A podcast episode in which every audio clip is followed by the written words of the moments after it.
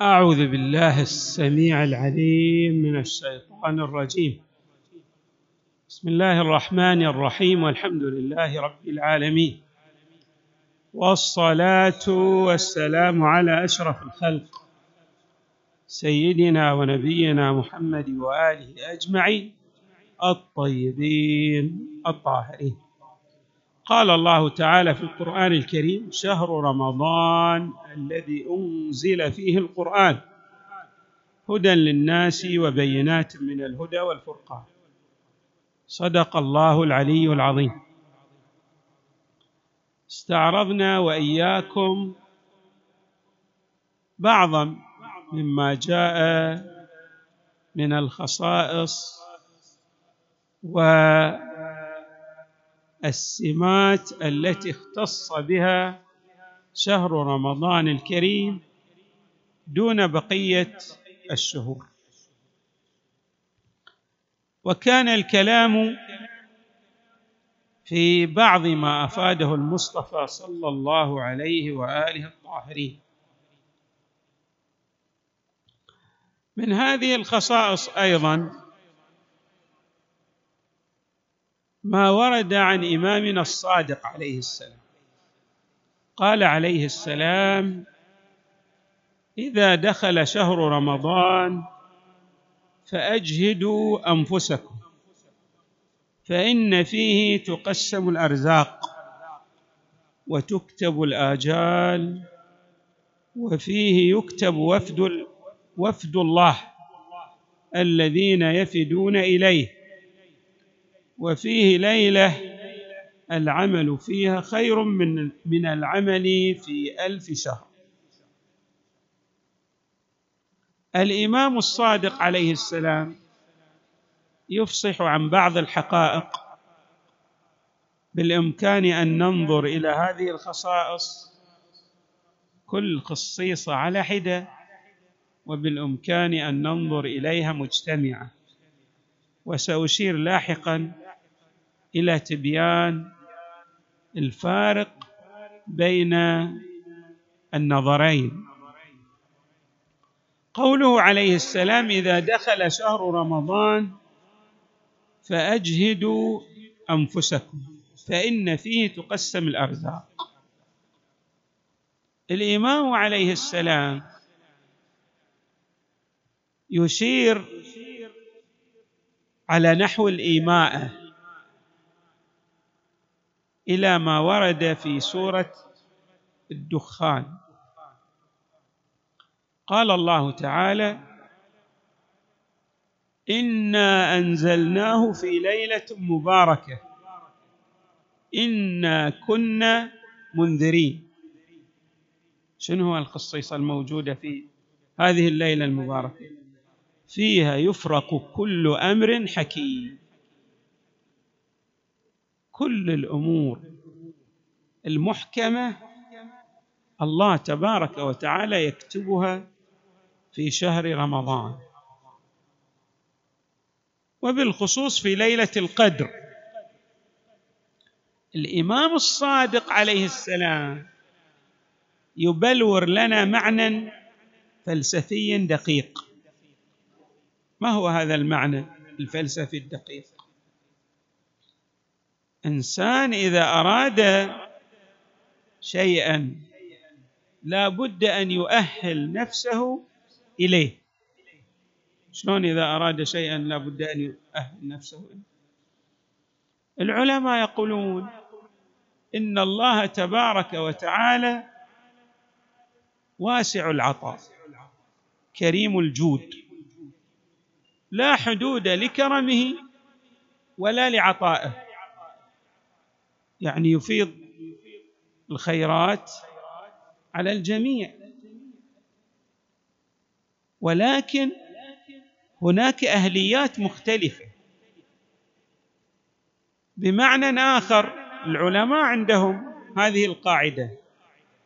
يقولون لا ضيق أو لا ضيق في الفاعل. اذا لماذا بعض الناس يحصل على أكثر من بعضهم الآخر. هذا يرجع إلى الأهلية التي أشرنا إليها. الضيق أو الضيق في القابل. الإمام الصادق يقول إذا أردت أن تحصل على مزيد من العطاء على مزيد من الكرم الإلهي الله يفيض رحمته على من يشاء من عباده. ولكن لا بد أن توجد أهلية في العبد لتلقي هذا الكرم والفيض الالهي الآن خلنا نشوف يعني نروح نقرب الفكرة بنحو أفضل. إحنا نشوف مثلا إذا طرحت وظائف وتقدم مجموعة من الخريجين لأخذ هذه الوظائف. إحنا ما نتكلم عن إنه في واسطة ولا ما في واسطة نتكلم عن مسألة لو فرضنا أن القانون بالنسبة للجميع متساوي كما بالنسبة لله تبارك وتعالى. فمن يختار هذا المسؤول عن التوظيف؟ يختار الشخص الذي تتوافر فيه الأهلية بشكل أكبر أكمل أفضل. يعني شوف كل الخصائص مثلا هذا المعدل ماله مثلا مثل ما نعبر. الآن إحنا في تعبيراتنا. هذا أونر مثلا. يعني عنده امتياز ماخذ مرتبة الشرف الأولى. واحد ماخذ ممتاز بس ماخذ مرتبة الشرف الثالث. وين اللي يقدم؟ الأولى. وهكذا أيضا في بقية الأمور. واحد أيضا يشوف عنده في المقابلة الشخصية قوة في شخصيته طلاقه في حديثه. هذه الأمور تؤثر على القبول الوظيفي. نجي إلى مسألة قول الإمام الصادق عليه السلام في هذا النص الجميل والرائع. الإمام ماذا يقول؟ يقول فاجهدوا أنفسكم. ما معنى الإنسان يجهد نفسه؟ الجهد هو بذل الوس الوس. يعني أنت تؤهل نفسك إلى أعلى الدرجات. إحنا إيش نحتاج له؟ نحتاج إلى مرتبة عالية في تقوى الله. نحتاج إلى مرتبة عالية من إظهار الفقر والفاقة والعوز والحاجة إلى الله. نحتاج إلى مرتبة عالية من التواضع. نحتاج إلى مرتبة عالية من عمل الخير. كل هذه الأمور مجتمعة تؤثر في قبول وتلقي الفيض الإلهي. الشخص اللي عنده أعمال خير كثيرة يختلف عن الشخص اللي عنده عمل واحد. في العطاء الإلهي يختلف. لماذا؟ لأن العطاء هذا له موازين. كما تفصح عن ذلك الروايات. يعني إحنا ما يمكن. الله تبارك وتعالى العطاء الذي يقدمه له موازين. كل هذه الموازين ترجع إلى الحكمة. مثل إحنا الآن ما أتينا بمثال تقريبي. كلما أجهد الإنسان نفسه يعني بعضهم يفكر إن إجهاد النفس في الجانب العبادي. لا هذه جنبة بسيطة جدا الجانب العبادي. الإنسان يحتاج مثلا إلى علم. انسان يحتاج إلى أخلاق عظيمة. ولهذا تجدون ومن حسن منكم في هذا الشهر خلقه. كان له كان له جواز على الصراط يوم القيامة. مسألة لا تفكر أن إجهاد النفس في العبادة هذا مثلا سوي هالكثر عبادات. لا هذا جنبة بسيطة جدا من المسائل المتعلقة بتلقي الفيض الإلهي في شهر رمضان. مهم أن الإنسان يقوم ببعض الأعمال الصالحة ولكن ليس هذا له تمام الدخل في المعادلة. جزء من الدخل. يعني إذا أردنا أن نعبر يمكن ل 20% 10% 15% في أمور أخرى. يعني ممكن الإنسان قد يصلي ألف ركعة في رمضان لكن قد يكون من العق عند قطيعة رحم عند مشاحنة فلا يشمله الفيض الإلهي. الإمام عليه السلام عندما يقول فأجهدوا أنفسكم يعني حاول أن تؤهل نفسك بالمغالبة لها. لتلقي هذا الفيض الإلهي أقرب لكم بعد الفكرة أكثر. أنا عندي مثلا علاقة مع صديق لكن هذه العلاقة اختربت قبل شهر رمضان. وقد يكون هذا الصديق هو الذي أساء إلي ولكن جاء شهر رمضان. هنا يحتاج الإنسان إلى شيء من الإجهاد. هو يروح يعتذر هذا إليه. إذا أراد أن يتلقى الفيض الإلهي شلون وخيرهما الذي يبدأ بالسلام؟ ذي معادلات إلهية يدخل فيها أمور أنت لا تعرف أسرارها. مثلا كيف ورد قوله تعالى والعافين عن الناس مسألة العفو عن الناس هذه مسألة فيها أسرار عظيمة وكبيرة. صحيح أن هؤلاء الناس قد أساءوا إليك ولكن أيضا أنت كم مرة خرقت القانون الإلهي؟ والآن جاء شهر رمضان وتمد يدي الضراعة بين يدي الله بين يدي الله وتريد الرحمة. الله ما يقول لك أنت سويت وسويت يقول لك خلاص أنت أهل نفسك. معنى؟ التأهيل للنفس. منها العفو عن غيرك والعافين عن الناس. منها الإحسان إلى الغير. منها صلة الرحم. ومنها ومنها. فالإمام عليه السلام يختزل يختصر يلملم لنا جميع هذه المطالب بكلمة فأجهدوا أنفسكم. ليش؟ الإنسان يجهد نفسه. يقول لأن المسألة ترجع إلى تقسيم الأرزاق. وأنت تحتاج إلى أن تحصل على الرزق الوافر. كيف تحصل على الرزق الوافر؟ ولا توجد أهلية لديك لتلقي هذا الفيض والرزق الوافر. أيضا وتكتب الآجال. الله يطيل في أعماركم. كلنا نتمنى العمر الطويل في طاعة الله.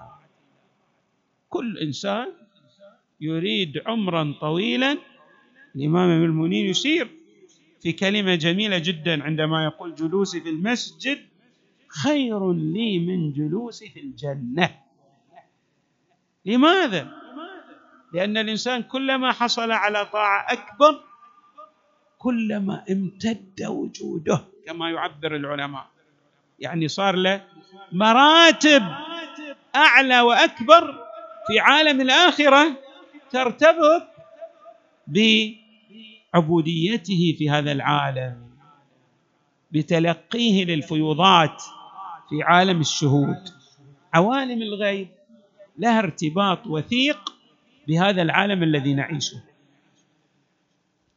نعم. وأيضا يقول لك شوف يشير الإمام إلى مطلب جد جميل يقول إن بعض الطاعات لها دخل في الحصول على فيض إلهي من الطاعات الأخرى. شلون؟ شوفوا الواحد مثلا يبر والديه. يوفق لعمل خيري وكبير وعظيم بسبب البر. يصل رحمه أيضا يوفق للصدقة. وهكذا كل عمل خير يجر إلى عمل إلى عمل خير مثله أو أفضل منه أو أحسن. الإمام يشير إلى هذه المعادلة فيقول وفيه يكتب وفد الحاج الذي الذين يفدون إليه. يكون تنتبه على أن بعض العطايا والمنن والمنح الإلهية لها ارتباط وثيق جد وثيق بهذه القربات والطاعات والتأهيل النفسي الذي تحققه أنت لأن بعض الأعمال ستجر إليك بعض الأعمال الأخرى الطيبة التي تقربك إلى الله زلفى. شوف أنت تأهل ليش ندعو الله تبارك وتعالى أن يرزقنا الحج في الأدعية المتعددة في شهر رمضان؟ لأن في مناسبة مسألة آه، استجابة الدعاء في شهر رمضان. فلما ندعو الله والله يستجيب لنا يعني نخرج من طاعة لندخل في طاعة. نحصل على كرم إلهي يجرنا إلى كرم إلهي. ثم الإمام يختم لنا بمسألة أيضا غاية في الأهمية. ما هي؟ يقول إن هذه الأعمال لها ارتباط وثيق. هذا التأهيل الذي أشرنا إليه له ارتباط وثيق بأي شيء؟ في الحصول على الدرجة الأكمل والأتم والأعظم من الفيض الإلهي الذي يحصل في ليلة القدر. شوفوا إيش يقول الإمام. لأنك إذا أجهدت نفسك وفعلت كذا وسويت كذا وفيه ليلة العمل فيها خير من العمل في ألف شهر. يعني شلون توفق لأعمال طيبة صالحة ومقبولة كما أشرنا. هناك سنخية كما يعبر الفلاسفة. إيش معنى السنخية؟ يعني اللي المعنى اللي إحنا الآن قربناه أن بعض أعمال الخير تجر إلى بعضها الآخر. كما أن أعمال السوء والعياذ بالله تجر إلى بعضهم. الإنسان إذا عمل عمل المعصية من دون يستشعر راح يشوف روحه يقع في معصية أخرى. من دون أن يلتفت. سبحان الله. وإذا قام بطاعة وفق لطاعة هذه الطاعة ستجره إلى طاعة أخرى. كل عمل خير كل عمل من أعمال الخير يجرك إلى مثله وإلى أحسن منه ويؤهلك. فحري بالمؤمن أن يلتفت إلى هذه الأمور التي أفصح عنها الإمام الصادق عليه السلام. نسأل الله تعالى أن يجعلنا مع محمد وآل محمد في الدنيا والآخرة. وصلى الله وسلم وزاد وبارك على سيدنا ونبينا محمد وآله أجمعين الطيبين الطاهرين.